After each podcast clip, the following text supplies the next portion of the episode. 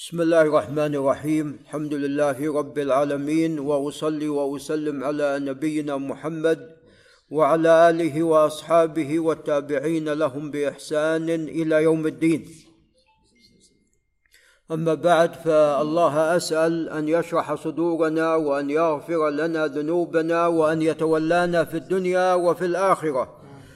كما أني أسأله عز وجل بأسمائه الحسنى وصفاته العلى أن يعيننا وإياكم على ذكره وشكره وحسن عبادته. أسأله عز وجل أن يعيننا وإياكم على ذكره وشكره وحسن عبادته عز وجل. تقدم لنا بالأمس ما يقال عند الأذان وعند الإقامة.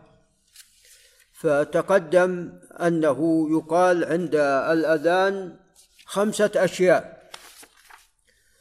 الأمر الأول هو أن تردد مع المؤذن والأمر الثاني هو أنك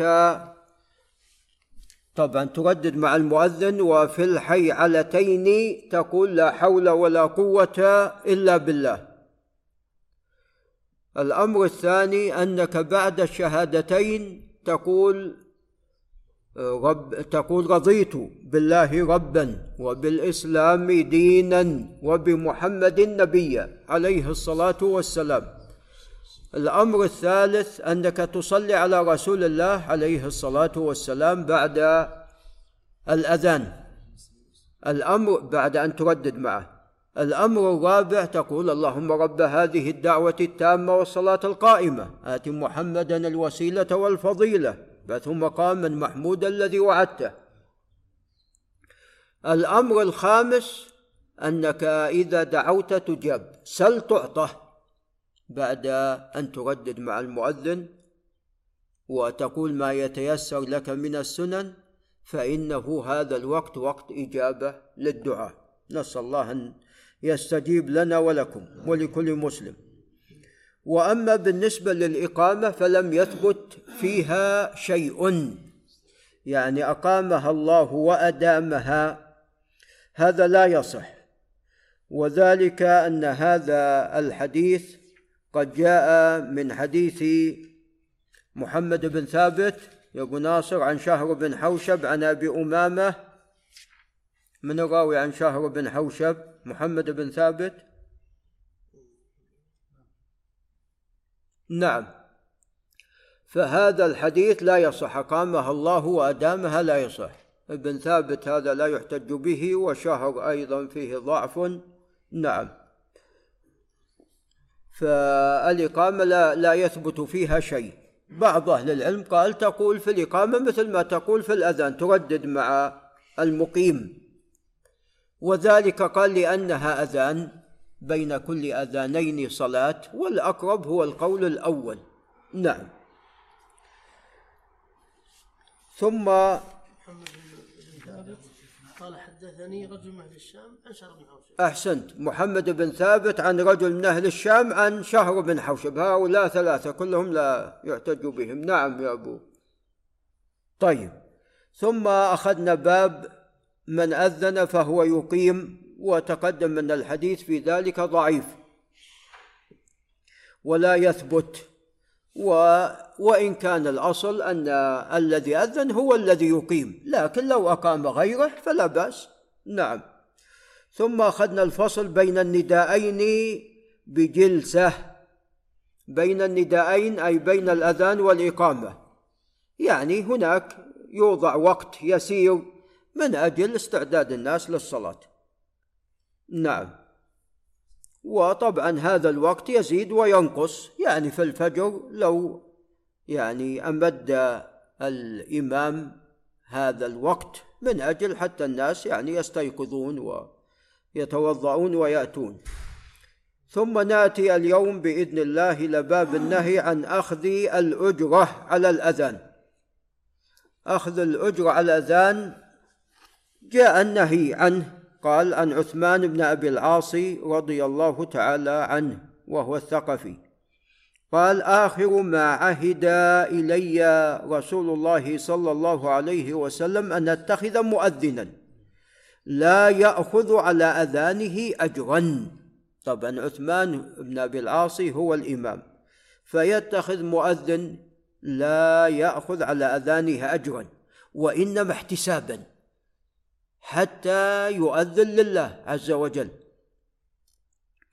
فلا يكون قصده الأجر الدنيوي إن وجد أذن وإذا لم يوجد لم يؤذن لا وإنما يكون محتسب. إن جاله رزق من بيت المال أو جاله من الجماعة بدون اشتراط فهذا لا بأس لا بأس بذلك. نعم لكن هو لا يشترط. قال رواه الخمسة وقال الترمذي حديث حسن صحيح. ثم قال باب باب في من عليه فوائد. أن يؤذن ويقيم للأولى ويقيم لكل صلاة بعدها. إذا كان على الإنسان فوائد من الصلوات. فتؤذن أذان واحد وتقيم لكل صلاة سواء كانت صلاة واحدة أو صلاتين أو ثلاث أو أربع؟ نعم. افرض أن الشخص يعني تبين له أنه مثلا مسح وقد انتهت المدة فمثلا صلى ثلاث صلوات والمدة قد انتهت تبين له ذلك فيعيد هذه الصلوات بأذان واحد وبإقامة لكل صلاة. قال عن أبي هريرة رضي الله عنه قال قال رسول الله صلى الله عليه وسلم عرسنا يعني نزلنا النزول آخر الليل مع رسول الله صلى الله عليه وسلم فلم نستيقظ حتى طلعت الشمس. كانوا متعبين وسفر وآخر الليل ما عاد بقي. فقال النبي صلى الله عليه وسلم ليأخذ كل رجل كل رجل برأس راحلته. فإن هذا منزل حضرنا فيه الشيطان. ولذا يشرع لك أنت أيضا يا أيها المسلم لو في غرفة فاتتك الصلاة نايم أنت فيها صل في غرفة ماذا؟ أخرى. صل في غرفة من البيت أخرى. نعم هذا هو الأولى. قال فإن هذا منزل حضرنا فيه الشيطان. قال ففعلنا ثم دعا بالماء فتوضأ ثم صلى سجدتين أي راتبة راتبة الفجر. ثم أقيمت الصلاة فصلى الغداة رواه أحمد ومسلم والنسائي. هذه فائتة. هذه الصلاة قضاء لأن بعد طلوع الشمس. قال ورواه أبو داود ولم يذكر فيه سجدتي الفجر وقال فيه فأمر بلالا فأذن وأقام وصلى. واللفظ الأول هو الذي يؤخذ به في مسلم فيه أنه صلى راتبة ثم بعد ذلك أقيمت الصلاة فصلى صلاة الغداة وهي الفجر. قال وعن أبي عبيدة بن عبد الله بن مسعود عن أبيه رضي الله عنه. أن المشركين شغلوا النبي صلى الله عليه وسلم يوم الخندق عن أربع صلوات. وجاء عن صلاتين. إن العصر ما صلاها عليه الصلاة والسلام إلا بعد مغيب الشمس. عن أربع صلوات حتى ذهب من الليل ما شاء الله فأمر بلالا فأذن ثم أقام فصلى الظهر ثم أقام فصلى العصر. ثم أقام فصلى المغرب ثم أقام فصلى العشاء. هذه أربع. رواه أحمد والنسائي والترمذي وقال ليس بإسناده بأس إلا أن أبا عبيدة لم يسمع من عبد الله.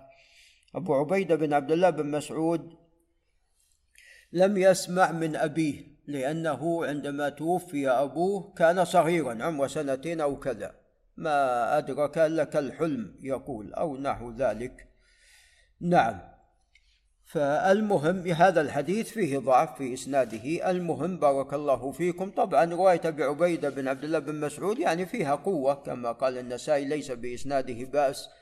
وقال يعقوب بن شيبة إنما استجاز أصحابنا علي بن المديني وغيره إدخال رواية أبي عبيدة ضمن المسند لأنه يروي عن أبيه فهو أخذ عن كبار أهل بيته وكبار أصحاب آه، أبيه. نعم.